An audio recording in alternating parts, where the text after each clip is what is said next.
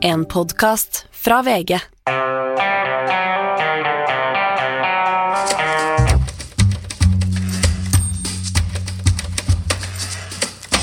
Det er vinter, det er overskyet, og det er lørdag, og det er klar for ny utgave av eh, Mediebobler. Velkommen, Gard Steiro. Takk skal du ha, Anders. Vi skal straks ha besøk av en spennende gjest, Oskar Vestelin, eh, influenser, som har hatt en beef med norske medier denne uka. Men eh, før vi gjør det, vi må snakke om eh, Gard, du fortalte jo for et par uker siden at du har operert inn en chip. Ja, I- Riktignok ikke i hjernen, men i hånda. Det er helt riktig. Skal jeg demonstrere den for deg? Veldig gjerne. Her kan du se han ligge under huden her, som en liten sånn uh, metallding. Så hvis jeg nå fører den opp til telefonen din, så hører du et lite eh, pip uh, over her. Og da får du altså opp en eh, lenke som du kan klikke på. Og hvis du går inn der, Hæ. Ja, der ser jeg at du er Gard Steiro, ansvarlig redaktør i VG. da får du visittkortet mitt, og så får du en lenke til vg.no. Så det jeg gjør, er at jeg har lagt inn VG-adressen i denne chipen, så hvis jeg kommer borti telefonen til noen, så kommer de inn på VG. Jeg vet at de har stått ved siden av selveste Gard Steiro. Det er helt riktig. Ja. Det er helt riktig. Det står jeg må reject eller accept. Jeg er litt redd for accept her, ja, altså. Jeg tror du bare kan, Dette kan du akseptere. Ok, jeg tar ditt ord for det. Ja, og da kan jeg sende deg en e-post uh, direkte. Det kan du gjøre. Ja. Det er masse du kan gjøre nå. Utrolig. Uh, jeg er jo litt skeptisk til, uh, til den slags, men jeg er sånn type som ikke vil ha tatovering. Eller har du tatovering? Nei, det har jeg ikke. Nei. Jeg er skeptisk både til piercing og tatoveringer Ja. og alt sånt. Clarification. ja, det er jeg også skeptisk til. Nei, jeg gjorde jo dette fordi jeg var bare nysgjerrig på teknologien. Og jeg er jo i utgangspunktet veldig skeptisk, må jeg si. Fordi at jeg er, jeg, jeg er opptatt av personvern, og jeg er opptatt av å ikke kunne bli sporet. Eh, men dette er, det er interessant, for det er flere og flere som jobber med dette og forsker på det. Og innenfor et sånt helseperspektiv så er jo, kan jo dette være veldig nyttig og ja. alt sånt. Eh, men det er klart det er en, det er en trade-off du gjør da, ved å ta inn disse implantantene, der du må gi noe av personvernet ditt eh, vekk for å få denne informasjonen. Minner litt om hvordan Robert Johnson ble så god til å spille gitar, hvis du kjenner den historien? Nei, det gjør jeg ikke. Nei, han solgte sjelen sin til Satan. ja, ja selvfølgelig, selvfølgelig, og det er jo òg mulig. Men, men, det som, men det er jo vi driver jo og diskuterer nå ulike sånne fremtidsscenarioer i VG hva ny teknologi vil føre til. Og en av de tingene jeg lurer veldig på, det er hva Google og Apple og de store teknologiselskapene vil gjøre med all den dataen og informasjonen de sitter om med meg og deg. For du kan se for deg at eh, Android eller eh, Apple begynner å bruke kunstig intelligens nærmest på samtalene dine og da gi deg råd og vink og uh, skru sammen liksom, ditt teknologiske tilbud basert på det de vet om deg. Så det er jo en Jeg er jo redd for den utviklingen, men jeg er ganske opptatt av å forstå den òg. Fordi at jeg er sikker på at det vil påvirke vil mediene. si at de, de kan implantere den der 'in my cold dead hands'. Men uh, grunnen til at jeg kom på det nå, det er at uh, Elon Musk som jeg føler er liksom Lex Luthor fra den gamle, det, det onde industrigeniet. Ja, Han har gått for å være en eh, som, vi, som var nærmest en sånn helt. sant? Altså han, eh, Særlig Tesla-historien gjorde jo at han ble en av de som revolusjonerte eh, egentlig alt det vi tenker på som bil. Og så har jo han hatt en, eh, på en måte en utvikling etter det, der vi har fått fram skyggesidene. Akkurat som i Supermann, han og Clark Kent var egentlig venner, og så ble han mer og mer matchuk. Nå sier han at øh, han har lykkes gjennom det selskapet som heter Neuralink å legge inn hjerneimplantat i jeg tror det er tre forskjellige menneskehjerner. Det, er, eh, det er uhyggelig, må jeg si, for en mann født i forrige årtusen. Ja, det er to menn født i forrige årtusen. Ja, jeg også syns det er uhyggelig. Eh, og så tenker jo jeg som så at denne type teknologi i det godes tjeneste vil jo kanskje gi fantastiske muligheter innenfor eh, medisin. Men den type teknologi i hendene på feil personer og feil For eksempel Elon Musk. for eksempel Elon Musk, er jo bare uhyre skremmende. Så jeg mener, og det tror jeg òg at vi eh, Det tror jeg også samfunnet og politikerne får veldig store utfordringer med å diskutere de etiske dilemmaene ved teknologiutvikling nå, som de vil få, som de allerede står i nå med kunstig intelligens. Ja, det er, nok, det er nok av ting å bekymre seg for, men også la seg begeistre over øh, når man driver og skal utvikle medier. Ja, vi, jeg jeg pleier å si at dette, dette må du møte med, med kritisk sans, og samtidig være teknologioptimist. Og jeg tror bare å møte det med å si at dette er et problem og skrike etter regulering, det vil ikke fungere. Man må òg se etter mulighetene. Og det er helt utrolige muligheter. Vi hadde et eksempel for noen uker siden der en journalist hos oss skulle gå gjennom 6000 dokumenter. Det ville tatt ukevis å gjøre det, å analysere innholdet i de 6000 dokumentene. Ved hjelp nå av kunstig intelligens så klarte vi å gjøre den jobben i løpet av én natt. Altså maskinen jobbet for oss i løpet av eh, den natten. Så for journalistikken og for vår evne til å håndtere store datamengder og finne det som er interessant og relevant, så er det, så er det bare en ny verden som har åpnet seg. Du, eh, jeg må spørre om det samtidig, for det er en eh, leser som har hatt et litt hjertesuk, at det er ubegripelig irriterende hver dag når dere babler om AI samtidig som dere kaller det kunstig intelligens. Altså vi sier kunstig intelligens, og så forkorter vi det AI, som da er artificial intelligence. Når skal, vi, når skal den menneskelige intelligensen klare å koble sammen disse to begrepene? Nei, vi, vi må ha en eh, diskusjon om det. Det som, har, eh, det som ofte skjer når det kommer nye begreper inn, det er at de kommer på engelsk, og så blir de tatt inn i det, den engelske versjonen av det blir tatt inn, og så bruker vi det, og så blir det en del av dagligtalen, og så kommer det norske ord å overta. Og da må vi gjøre en sånn, Det gjør vi av og til i VG. Vi setter ned det, vi har et språkutvalg, og så bestemmer de seg hvordan er VGs, hvordan skal vi skrive dette i VG. Foreløpig har vi ligget egentlig og brukt både KI og AI, så tror jeg vi må ta et valg på et eller annet tidspunkt. Vi hadde den samme diskusjonen under korona. Skal vi skrive det med K, eller skal vi skrive det med C? Ja. Eh, og det var en lang diskusjon. Og IS og ICC, synes jeg. Helt riktig. Hvor lang tid tror du kunstig intelligens vil bruke på å avgjøre et sånt spørsmål? Ja, det tipper jeg du får i løpet av tre sekunder, så får de iallfall argumenter for og mot. Ja. Uh, Men, uh, men det som er interessant med kunstig intelligens, er at du kan jo få de svarene du vil ut av ChatGPT Foreløpig, ja. foreløpig. Da er det en glede å ønske velkommen til Oskar Vestelin. Tusen takk. Jeg hadde egentlig tenkt å introdusere deg som influenser, men du er jo veldig mye mer. Du har med deg nå eh, Litt entourage. et liten entourage. Du er en kringkastingsorganisasjon i deg sjøl, du. Ja, man har nesten blitt det. Det har blitt eh, Ja, produseres jo ganske mye, så det har vel nesten kommet opp på det nivået, ja. Ja. Og du er komplett med egen giftshop. Ja, Kommer med giftshop òg, ja. Eh, for du, eh, og den siste uken så har du altså streamet livet ditt 24-7, eller? Ja, eh, jeg går jo på do i fred, da. Og så har jeg Nei, jeg har også dusja faktisk på, på stream, men ja, det har vært eh, 24-7 i 11 dager nå. 11 dager og 4 timer er vel det vi ender på, da. Og da, altså do og soving er ikke med, altså? Jo, soving er med. Soving er med, men ikke, Ja, ikke dusj. kamera. Eh, ikke, jo, dusj har også vært med, men eh, dobesøk det forholder vi enda privat. Og dette interesserer jo oss i gamlemediene. Vi, vi ser fascinert på dette her. Våre kolleger i Dagbladet oppsøkte deg denne uka, og det gikk sånn passe. høyt på dette klippet her. Inviterer faen meg Dagbladet hjem fordi de lurer på hvordan det er å livestreame en uke straight. Spør meg hvordan det går etter bruddet. Så sier jeg at det er aldri gøy, det, men jeg har det greit i hula mi. Så er det faen meg det eneste de polster! Inviterer dem hjem, byr dem på kaffe, behandler dem med folkeskikk og respekt. Og så beiter de meg bare utpå for noen jævla hyklerske rasshøl. Ja, nå ler du. Det var Skiddal der. Ja, da, der, ja, der.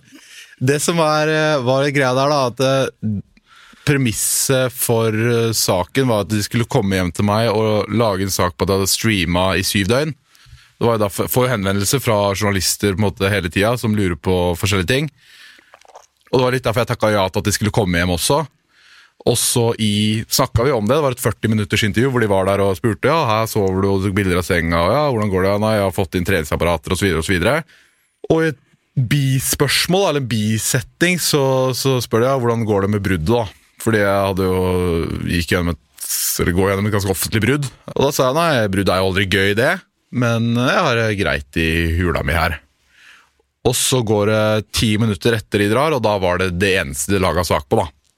Og det er jo litt sånn, Man har hørt at journalister er sleipe og tar ting ut av kontekst og lager eh, overskrifter som er i veldig dems favør i forhold til å få klikk og sånn.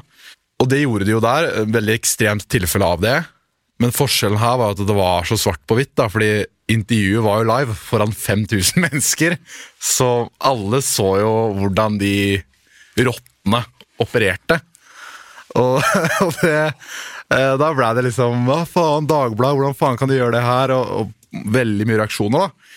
Og jeg var jo enig at var, I det klippet så var jeg jo hissig. Eh, det var jo fem minutter etter at det, det skjedd. Eh, og så la jeg ut det, og det har jo 600 000 visninger nå på TikTok. 500 000 unike nordmenn som har sett det.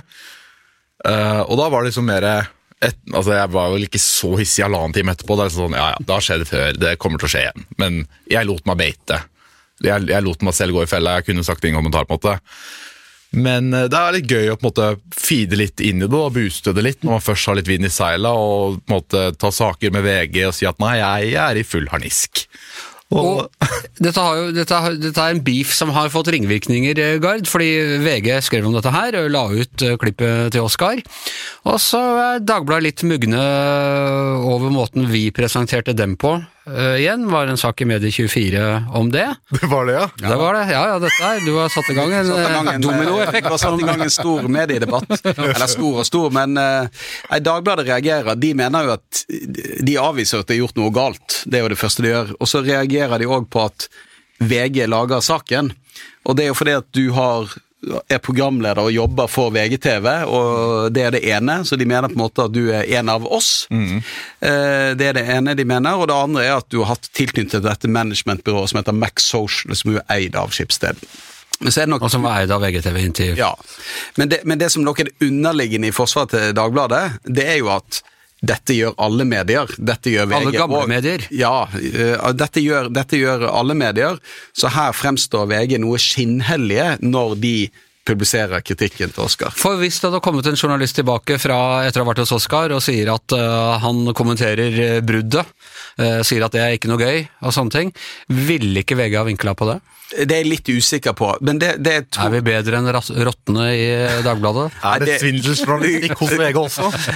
Nei, det, eh, jeg er litt, litt usikker på det. Her var jo premisset veldig tydelig hva de skulle lage, og så dukka dette opp. Men, men jeg tror det er, en, det, det er noe som skjer at dette er kanskje mulig en sånn liten generasjonskløft der òg.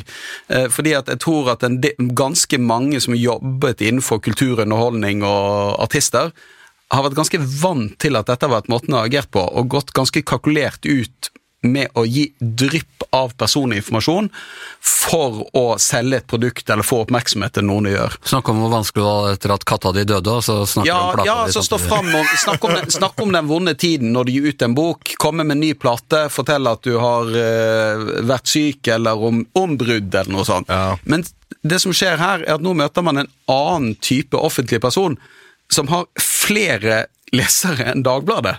Og det er jo det som er det absurde i det. altså Hans TikTok-kritikk av Dagbladet har sannsynligvis langt flere lesere enn artikkelen på Dagbladet. Ja, det er snudd litt på hodet, den maktbalansen, liksom. Ja. Og det var liksom når eh, Fordi selvfølgelig, i starten, eh, i hetens Kampens hete, så var jeg jo irritert. Og timene etterpå og dagene etterpå så ble det sånn, ja ja, men sånn er det. Men det, det på en måte fikk så mye vind i seilene og fikk en sånn boost, da, fordi folk var sånn ja, faen ta Dagbladet. Eh, VG er mye bedre, og liksom sånn Fida veldig mye inn i det. Og da tenkte jeg ja, men da det er jo mer PR, eh, god PR i, til, i, i den saken her, da. Så kom jeg godt ut av det. Så da bare fortsatte vi å, å mate på. Så jeg tok jo intervju med God kveld Norge også på livestream. Og jeg sa at nei, jeg skal aldri gjøre en sak med Dagbladet igjen. Og jeg eh, raser over Dagbladets sak. Sitter og sier det måte, Det er jo blei litt mer morsomt for min del. Men eh, man er jo i det rette, så Men, men hvor bevisst er du når, når de kommer, og de stiller det spørsmålet? Hvor bevisst er du i det øyeblikk på hva du skal si og hva du ikke skal si om eh, et brudd? Ja, der kunne jeg nok vært mer bevisst. Det var en slip-up fra min side, sånn egentlig. Det var en rookie mistake å si at eh, brudd ikke er gøy. Fordi jeg hadde tenkt syv sekunder på svaret til det spørsmålet, så hadde jeg nok tenkt at dette blir eh, overskrift. Og, og det er det de gjør. Da, da er det jo bare det som er overskriften. Brudd er ikke gøy. Bilde av trynet mitt. Så jeg, jeg, og det hadde jeg jo sett hvis jeg hadde tenkt mer over det, så jeg, jeg burde jo bare sagt ingen Men kommentar. tenker du at du, du er jo blitt en offentlig person, sant? Altså når du har en Som du sier, Anders, uh, Oskar er jo en kringkastingsorganisasjon i seg sjøl. Og med det følger det jo på en måte en viss innflytelse og en viss makt, og du har kommersielle interesser. Tenker du at privatlivet ditt er At offentligheten har noe med privatlivet ditt? Jeg tenker at det er jo litt baksiden av medaljen. Jeg kommer liksom ikke unna det. Jeg kan liksom ikke få i pose og sekk da, hvis jeg møter eller er ute med en, eh, med en jente, da, Sofie, så, så kommer det til å bli prata om. Eller hvis jeg legger ut om det, så kommer det til å bli Ja, folk får det med seg, og da når folk eh, får det med seg, så vil jo også journalistene skrive om det, for da drar det klikk, og da ja, det ene leder litt til det andre, da. Så jeg kommer liksom ikke unna det, men eh, det er ikke noe jeg noe jeg syns er så kjipt, egentlig. Ja. Hvis jeg skal være ærlig. Tenker du, altså du sier at du, så eksploderer du litt, og så kjører du ut, og så merker du at dette feeder. Mm. Eh, eh, sett du er jo blitt sammenligna med, med Andrew Tate, men du kjører ikke en sånn politisk greie. Men merker du at her har jeg et potensial til å hisse opp folk, dra med folk, at eh, jeg kan bruke det til mer enn å liksom gjøre folk sinna på Dagbladet? Jeg kan uh, forandre verden. Vinne, Eh, vinne, vinne valg? ja, vinne, vinne valg, ja. ja. Ja, Starte et parti. Um, her jeg sitter nå, så har jeg vel ikke noen sånn stor agenda om eh, å bli statsminister eller noe sånt, men eh, hvem vet? Oscar 35. Kanskje han er noe mer Trump hadde maktsyk. ikke det da han var 35, han heller. Ikke sant? Nei, så eh, Jeg liker den der, det lille adrenalinet man får av å være litt på kanten med ting. Så det, så det å på en måte hisse opp litt, eller sånn Det er litt gøy, liksom. Hvis det gir mening. Og tenne noen lunter. Tenne noen lunter, ja. Det det er jo det. Det blir litt sånn, ja. Men det du, eh, som jeg syns er veldig interessant med denne saken, bortsett fra her at Dagbladet og VG havner i en litt sånn som et liksom medieboble, virkelig mediebobledebatter om den ene er verre enn den andre, så er jo det som å si at maktforholdet er litt snudd. For dette tror jeg eh, Dette har titusenvis av mennesker opplevd. De har stilt opp et intervju med en avis, og så har de følt at de har snakket, eller ment at de har snakket om noe som er viktig for dem, og så åpner de avisen papiravisen dagen etterpå, eller ser det på nettet, og så ser de at eh, journalisten har fokusert på et eller annet som er de opplever som bitte lite, eller kanskje noe de opplever ubehagelig, eller noe de har nevnt i en bisetning. Men forskjellen fra tidligere er jo at den gangen kunne man ringe til journalisten og klage og være sur, og så skyldte journalisten på desken. Men du har et så stort publikum at hele maktbalansen er helt snudd på hodet. Så dette kan kanskje ikke sånn, Journalistikken kan kanskje ikke fungere på den måten lenger uten at det får konsekvenser. Dette er sikkert litt ledende spørsmål, men tenker du at du eh, egentlig er avhengig av oss i gamle mediene, eller kunne du bare kjørt hele greia utenfor det? Det er jo Stiller du opp mest for at liksom familien skal se at du driver med noe? Jeg lever, bestemor. Ja, ja, ikke sant? Nei, det bidrar jo å være på en måte på forsida av, av VG og TV 2 og Dagbladet og altså de tinga der har jo Det er jo mange fortsatt som leser og følger med der, så jeg tenker at det bidrar bare ekstra, egentlig. Og det var derfor jeg tenker, når VG spurte ja, du, har, eh, du, eller sånn, du var misfornøyd med den Dagbladet-saken, vil du snakke mer om det? Jeg tenker sånn, ja, ja, men det Jeg har laga en TikTok eh, hvor jeg sier det samme. Jeg kan egentlig bare si det samme til VG, og så bare får det ekstra eksponeringer og bare når enda breiere. da. Og det blei vel det det blei etter hvert at ja, nå vil jeg bare bruke det så mye som mulig. For nå, nå er det mer bare når man kommer bedre ut av det, og bare få det så bredt som mulig. Og så. Men jeg fikk ikke med meg at det ble en, en, eh, Egen beef en egen beef eh, VG og Dagbladet mellom. Det er jo gøy. Ja, det er veldig, for, det er veldig forutsigbart. Altså, det kan jeg si at jeg skjønte med en gang den saken, da jeg leste den saken at dette kom at Dagbladet til å reagere på, og det er, altså, det er fair, syns jeg. Og det er klart at det er ingen Og det er vel et poeng, altså Gard, hvis det kommer en journalist tilbake, jeg har snakket med en av de hotte influenserne, han kommenterer et uh, brudd. Ah, Altså, vanskelig hvis- for å se at ikke reportasjeledelsen her i avisa ville sagt at det er det vi vinkler på. Nei, altså Det som er litt spesielt med denne saken, her er jo at premisset er så veldig tydelig hva saken skal handle om. Altså Det, det er noe helt annet noe. Og så er det òg dette med at det er et direktesendt intervju, så, det, så det blir, altså konteksten er litt rar for å gjøre det på den måten. Ja, det var det som var litt gøy, at det, det er direkte. Ja. 5000 5000 mennesker ser akkurat hva som skjer. De kommer inn, og så ser de Ja, de, de ser hele greia, da. Men, men det er klart hvis jeg nå sier at dette aldri skjedd i VG, da, da lyver jeg jo. For dette, dette har jo skjedd i VG, og det er, jo, det er jo veldig mange som vil ha hatt samme opplevelse med VG. Men, og dette tror jeg at folk har hatt opplevelse med NRK med Dagbladet TV 2 òg. Og dette er jo noe av det som er, en, eh, som er vanskelig for mange intervjuobjekter. Jeg tror vanskelig for mange som ikke er mediet vant, at det er sånn det fungerer. At du kan eh, At uansett hva du sier, da, så kan du en detalj bli plukket opp og bli gjort et større poeng av. Men så tror jeg også at Du nevnte jo aldersforskjell-greiene, og det er mange eh, som har vært kjendiser i unge dager, og som egentlig ikke da trenger VG og Se og Hør og all den oppmerksomheten, så, de er sånn, så er de sånne kjendiser som ikke stiller opp i kjendispressen. Begynner de å bli eldre, så er det litt vanskeligere å få pusha de nye TV-programmene sine, eller hva det måtte være, og da er de plutselig villige til å snakke om den vanskelige tida etter at katta mi døde. Men, men dette var jo helt vanlig, for det, det var jo noen kjendiser var, som var så store at de aldri trengte å by på seg sjøl. Og du Nei. ser jo noen eh, artister sant, som aldri gjør det. Du vet ingenting om privatlivet deres. Og så Hvis du kom litt ned på listen da, og ikke var så hot, så trengte du å gjøre mer for å få den oppmerksomheten. Og det var jo gjerne de som tidligere stilte opp i Se og Hør og åpnet hjemmet sitt og fortalte om død, katten som hadde gått bort og alt sånt. Ja, mange- Det trenger jo ikke du. Ikke nå. Nei, ikke nå. Nei, det er mange som syns det er kanskje er litt kulere å være litt mer mystisk, da. Ja.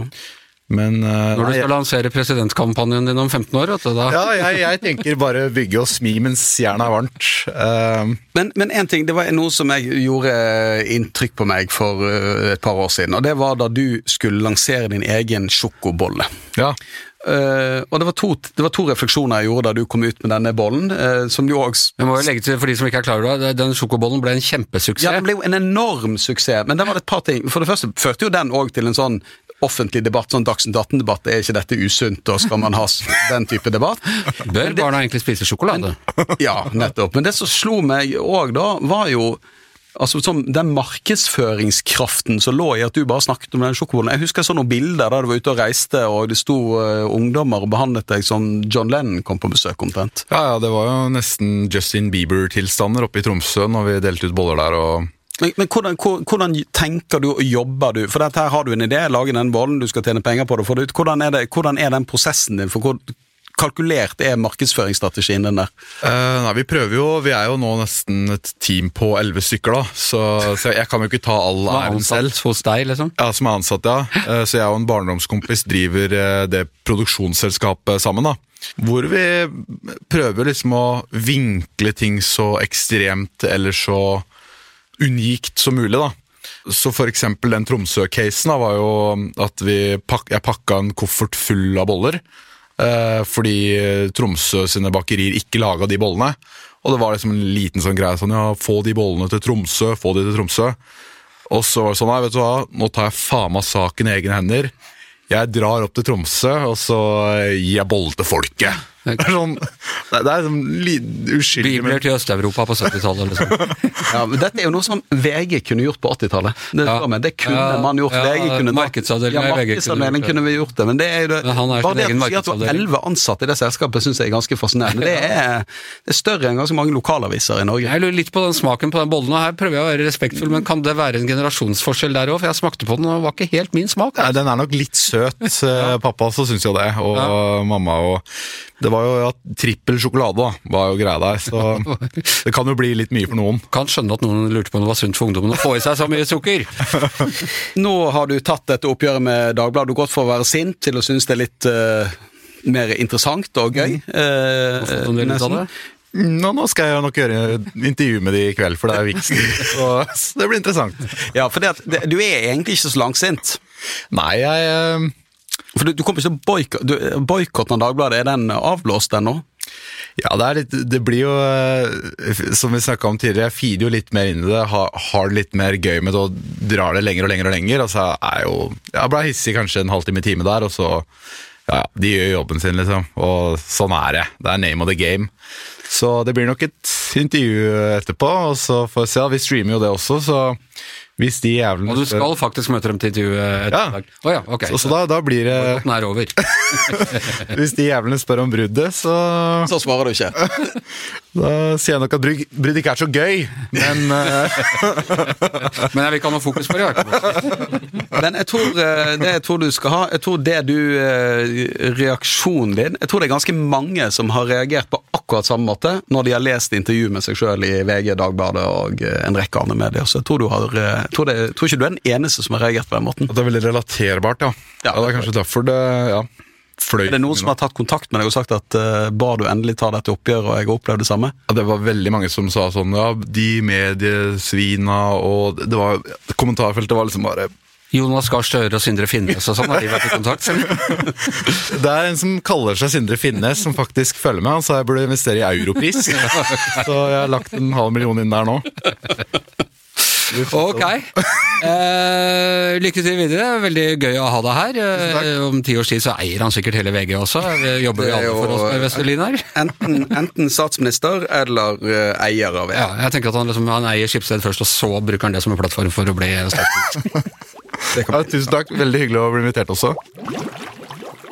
Sist da vi hadde spilt inn eh, mediebobler, så var jeg ute og traff noen venninner av meg, og de var opptatt av den dagen så hadde vi eh, lagt ut bilder av ofrene for denne helt forferdelige øh, drapssaken på Nes.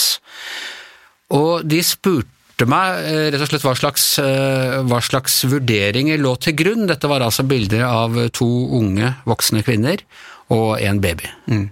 Og jeg må jo si selv at det er sjelden bilder eh, gjør så inntrykk bare av mennesker, og det, og det er særlig denne glade, lille, eh, flotte babyen eh, som gjør det. Og veldig mange eh, delte disse bildene, så jeg går ut fra at det er i, i eh, forståelse med familien. Ja, altså det, den, dette er et veldig godt spørsmål, eh, Anders. Det er jo sånn at i en del saker, drapssaker og store ulykker, så er jo de pårørende eh, mer enn villig til å dele bilder av de som er gått bort. Og når jeg sier mer enn villig, så er det ikke fordi de ønsker oppmerksomhet, men fordi de på det, de ønsker å være åpne, og de ønsker å fortelle hvem som har uh, gått bort. Og det er òg en måte for de å måte hedre noen de som har gått bort på tragisk vis. Det, og noen ganger så skjer det veldig raskt, men i andre situasjoner så ønsker jo ikke de pårørende oppmerksomhet. Eh, Og det er fullt forståelig. De syns belastningen blir for stort, det er, det er tungt for de å se bildene av de som har gått bort. Det kan bidra til å gi en sorgprosess, de kan være i sjokk, og det er vanskelig. Og i sånne situasjoner så pleier vi å ta hensyn. Og eh, vi pleier ofte å vente på at man får en aksept fra de som sitter igjen, eller fra politiet eller fra andre på at nå er det ok å gå ut med det, i forståelse med de pårørende. Men i noen tilfeller så går vi òg ut med bildene selv om de pårørende ikke ønsker det.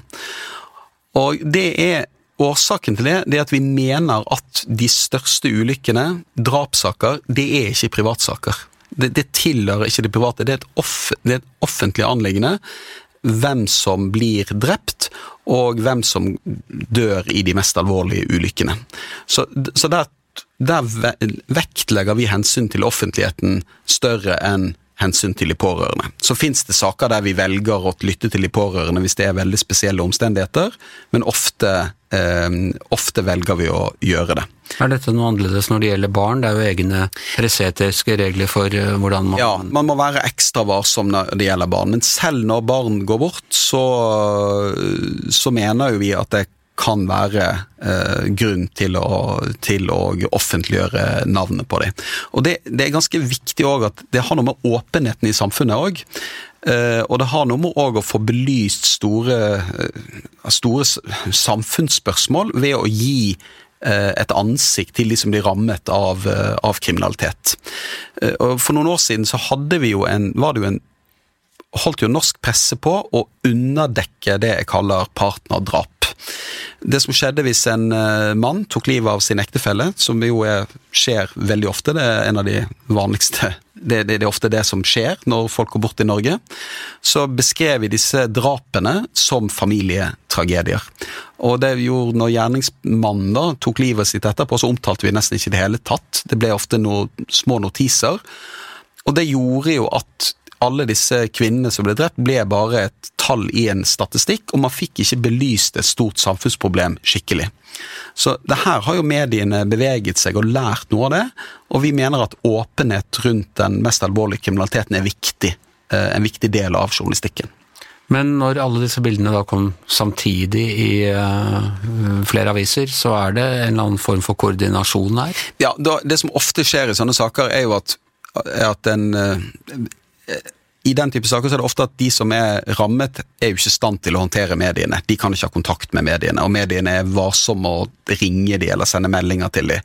Og det, der opprett, det utnevnes ofte en talsperson. Det kan jo være en venn av familien, det kan være en prest, det kan være en lege eller eh, en ressursperson i nærheten av familien som håndterer mediene for dem. Eller så gjør politiet det for dem.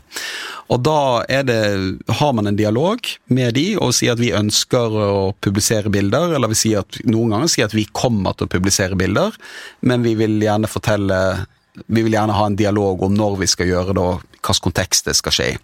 Og så blir dette ofte delt ut bilder av de, de, som er drept fra familien. Og Da får de òg en mulighet til å velge hvilke bilder de ønsker at skal komme ut, som jeg forstår kan være viktig for dem.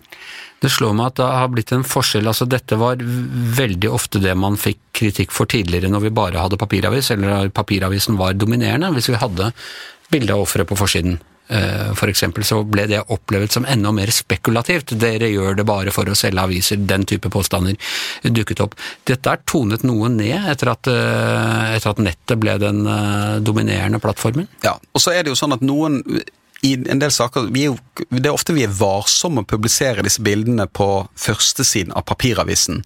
Og hva er grunnen til det? Det er fordi at det slår ekstra sterkt. Selv om vi selger færre papiraviser enn tidligere, så står alle de papiravisene i kiosker og butikker rundt omkring. Sånn at det er veldig sterkt å måtte gå inn i en altså gjøre sine daglige gjøremål, og så kan du liksom ikke verne deg mot det. Når det er på nettet, så kan du tross alt la være å gå inn på nrk.no eller vg.no eh, den dagen.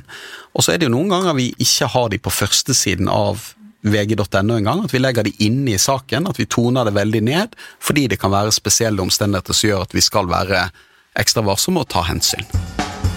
Etter at vi starta med denne podkasten, så er jeg blitt litt mer opptatt av eh, feil vi gjør i VG, fordi vi har innført en sånn, eh, ja, kaller det glasshus, eller eh, hva vi skal kalle det, en fast spalte hvor vi tar opp noen av feilene. Og nå vi, loggfører vi jo rett og slett alle feilene. Det er en egen side på nettet det med VG-retter. Ja, er, her har norske medier ligget langt bak. Dette er, det, dette er en stolt tradisjon, spesielt i amerikanske og britiske medier. Der de hender jo at de retter retter feil som er blitt gjort uh, tiår tilbake, og publiserer det når vi oppdager det. Og jeg tror for tilliten til mediene så er det viktig at vi åpner om våre feil. Og vi må normalisere faktafeil i journalistikken, for de, de, de kommer daglig. Og da tror jeg Vi skal ikke gjemme de bort, vi skal vise de fram, sånn at uh, alle som leser oss, kan kikke oss i kortene. Britiske Guardian de hadde en spalte som heter Corrections and Clarifications, og den er så velskrevet, den spalta, at det har kommet ut tre-fire samlinger av den. Og min favoritt er hvor han uh, Corrections and Clarifications-redaktøren, som jeg da ikke husker hva het, men han skrev at eh, gårsdagens manglende Corrections and Clarifications-spalte skyldes ikke et plutselig utbrudd av feilfrihet. Jeg var syk, og de fant ikke spalta mi. Men i hvert fall, den er morsom å, å gå inn Jeg ser veldig mye av det der. Det er mye sånn tallgreier. Vi har vært omtrentlige eller upålitelige med tall. Det kan være noe årstall, og det kan være en påstand av type at dette er det første han intervjuet han har gitt siden 2015. Eh, Nei, han ga et i 2017. Det er mye sånne ting. Men denne her syns jeg er litt interessant, fordi den berører litt um, journalistikken i den. Opp, det var en sak om Stoltenberg i USA, hvor han har vært og snakket om Nato. I den opprinnelige saken siterte VG Jens Stoltenberg på følgende Ja, jeg føler meg trygg på Trump.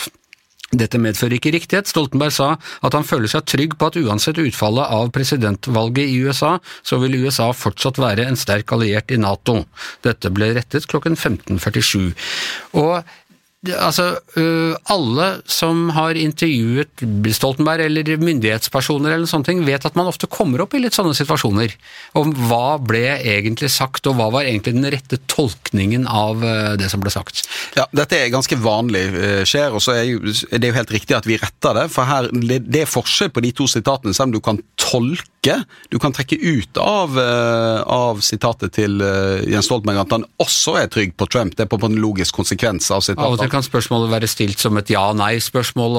eller ja. Og det, Dette kan jo skje i den type møter, at det er misforståelser mellom journalisten og intervjuobjektet, eller at det er et spørsmål som er stilt på en måte der det ligger et premiss i spørsmålet, og så tolker man ut av det. Og det skjer eh, ganske ofte. Og Da må jo vi i mediene, da, når vi lytter til dette, og vi har misforstått budskapet eller ordene ikke, Altså den som da har gitt sitatet, ikke kjenner seg helt, helt i meningsinnholdet i sitatet, så må vi rette det. og justere det. Ja. Dette, Og det- dette, og dette skjer jeg vil ikke si eh, ofte, men det skjer med gjennom mellomrom at det oppstår en misforståelse mellom journalisten og intervjuobjektet. Ja. Jeg husker en rettelse fra Moss Avis, som er en av mine favoritter. Det var beklaget at de i den, den utgaven hadde skrevet om så og så, som uh, var arbeidsledig og nå uh, ville ta livet sitt. Det riktige var at han har sagt at han ville ta tak i livet sitt. Ja, ja. det er en viktig forskjell. Det, der, er det ikke, der er det ikke snakk om nyanser, det vil si det er en feil. Ikke sant. Vi fortsetter å rette våre feil, og har du hørt noe du mener er feil i denne sendingen, så, så meld gjerne fra via Facebook-sida vår. Mediebobler er over for denne uka. Tusen takk til Gard Steiro. Jeg heter Anders Giæver, og produsent var Magne Antonsen.